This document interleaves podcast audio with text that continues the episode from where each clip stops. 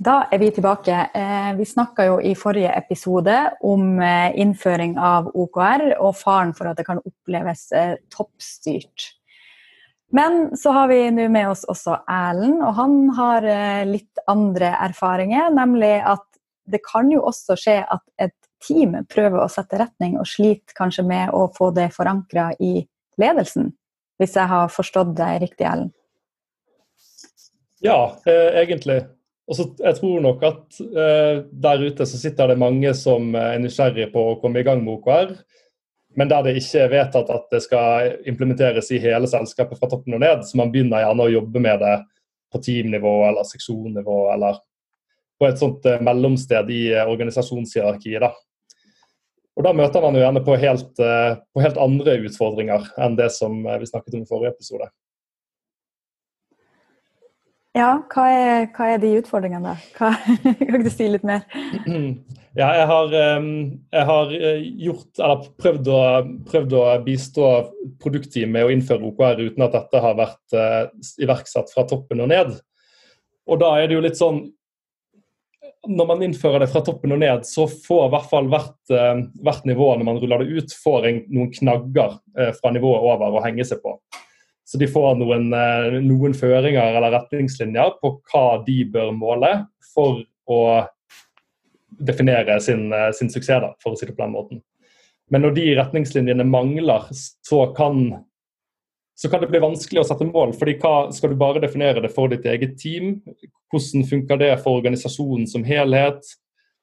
Og det, det er jo veldig få, eh, få team eller avdelinger som jobber helt helt isolert, bare med sine egne ting.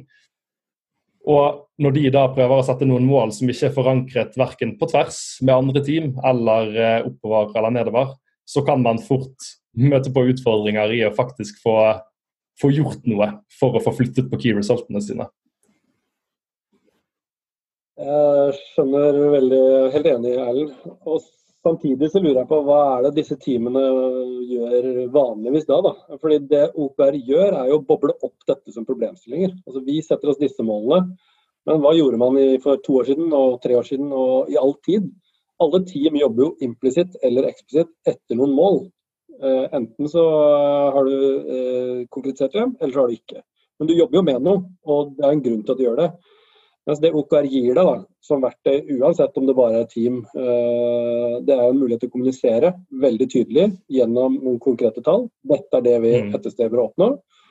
Og mm. da er det korte svaret på hvordan du gjør det, er jo å, å hvert fall forankre de tingene teamet setter seg med sin nærmeste leder. Og når ja, det viser seg Det suksess over tid Unnskyld. Nei, jeg, bare, jeg skjønner Erlend litt her, da. fordi jeg har også vært borti den diskusjonen eh, tidligere at produktteam sier at det er veldig eh, At de på en måte prøver å sette retning for selskapet eh, gjennom det arbeidet de gjør.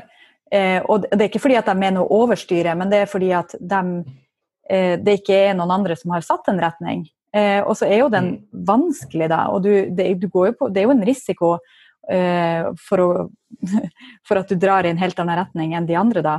Og det gjelder jo eh, for så vidt uansett enten du har formalisert det eller ikke. Eh, så det er jo det som er hele den store risikoen med å ikke ha en sånn eh, målstyring som gjennomstyrer hele selskapet. da.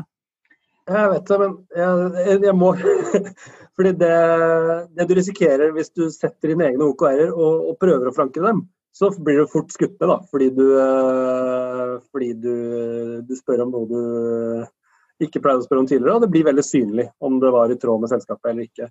Det som vanligvis skjer, vil jeg tro, er at uh, man bare jobber og durer på, men ikke sier ifra. Også uten at man vet det, så går man i forskjellige retninger.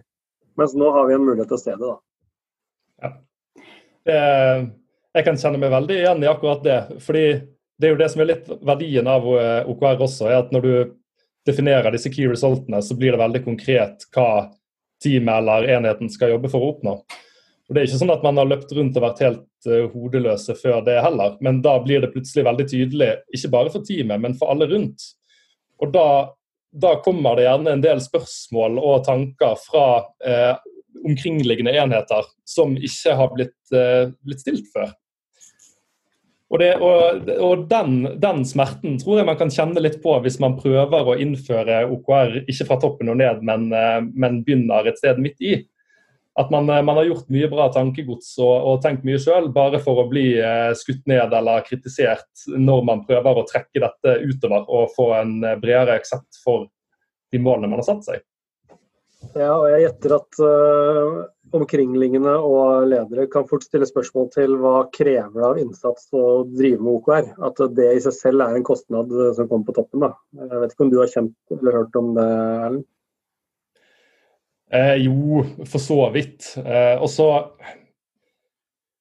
min, min, erfaring er jo at det å jobbe med OKR altså Ja, det er et målstyringsverktøy, men det er jo en, en altså For å få det til å funke, så er det jo en, eh, en endring av teamet eller organisasjonen og mindset ofte som må til. Og den det er ofte Eller det, jeg har nok tatt litt lett på det, kanskje, i, i tidligere prosjekter. Og det, det, det, er jo noe man må jobbe med kontinuerlig, både som team og som, eh, som selskap.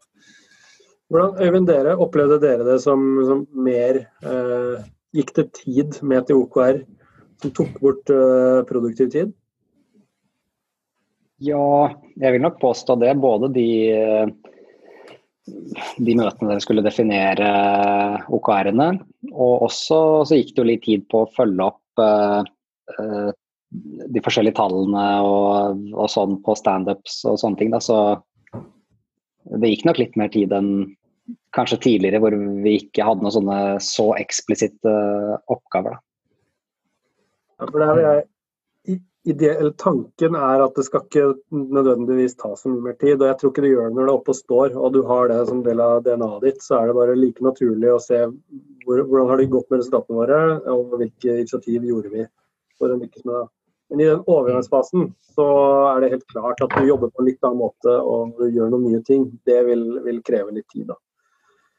Men uh, et, jeg har selv vært med på hvor gøy det er da, å lykkes med noe og vise til resultater. Så bare der er det en liten gevinst igjen. Og hvis man som utviklerteam uh, har lyst til å få gjennomslag for uh, andre ting å gjøre, så vil det være veldig kraftfullt å si se dette fikk vi til, så vi har lyst på mer kapasitet til å gjøre mer av det samme. Ja, ja jeg, jeg sitter bare og tenker på også, liksom, hva er egentlig problemet her? Fordi at Eh, jeg tenker også, OKR det er på en måte et, et, verktøy du kan ta i bruk. og Enten du bruker det eller ikke, så er det jo som vi var inne på, det er jo noen mål. Man går jo i en eller annen retning, enten man har formalisert eller ikke. Og så hørtes det ut litt sånn på når Ellen snakka om det, at det som egentlig er problemet her, eh, det er jo at idet du har satt deg noen mål eller en retning, og noen begynner å stille spørsmål eller på en måte kritisere arbeidet du gjør eller de målene du har satt, så er det ondt. Og den tenker jeg at ja, den er kanskje der i større grad hvis, hvis det bobler nedenfra og opp. Men jeg tror at uansett i en sånn prosess der man prøver å få på plass målstyring, så vil det jo være litt gnisninger og gjøre litt vondt, vil det ikke det? Det vil jeg, eh, det vil jeg si meg enig i, ja. Altså er det jo sånn eh, Jeg begynner mer og mer å tenke på OKR som en sånn endringsprosess i, i fåreklær, hvis du kan si det på den måten. da. Og det, det, handler jo veldig, altså Om det er fra toppen og ned òg, så handler det jo veldig om hvordan det gjøres. Du får liksom ikke til å endre en, eh, en organisasjon over natten. sant? Og hvis du bare prøver å trykke det ned i halsen på folk nedover og si at nå skal vi begynne å gjøre det på denne måten, så kan man jo fort uh, få litt vel mye av det, for å si det sånn, og frastøte seg det, nesten. Ja, og samme vei det. Nei, bare tenkte Hvis det også bobler nedenfra og opp, og man sitter i et team og er gira på å få en retning, og så stopper det, så er jo det også drepen for initiativet, tenker jeg.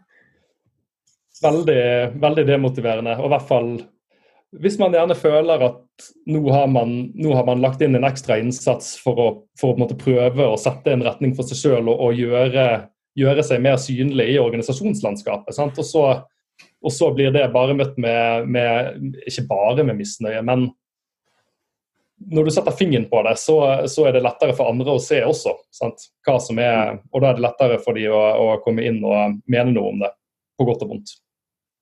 Men de tingene vi diskuterer nå, har egentlig ingenting med OKR å gjøre. Da. Og Samme til deg, Eivind. Altså, hadde ditt team fått hvilket som helst uh, nytt regime uh, tredd ned uh, over dere, så hadde det blitt møtt på samme måte. Og, Og målstyring er målstyring om du kaller det OKR eller hva som helst. Og der er det, Hvis du ikke er der som organisasjon i 2020, så vil den endringsreisen uh, gjøre bitte litt uh, vondt.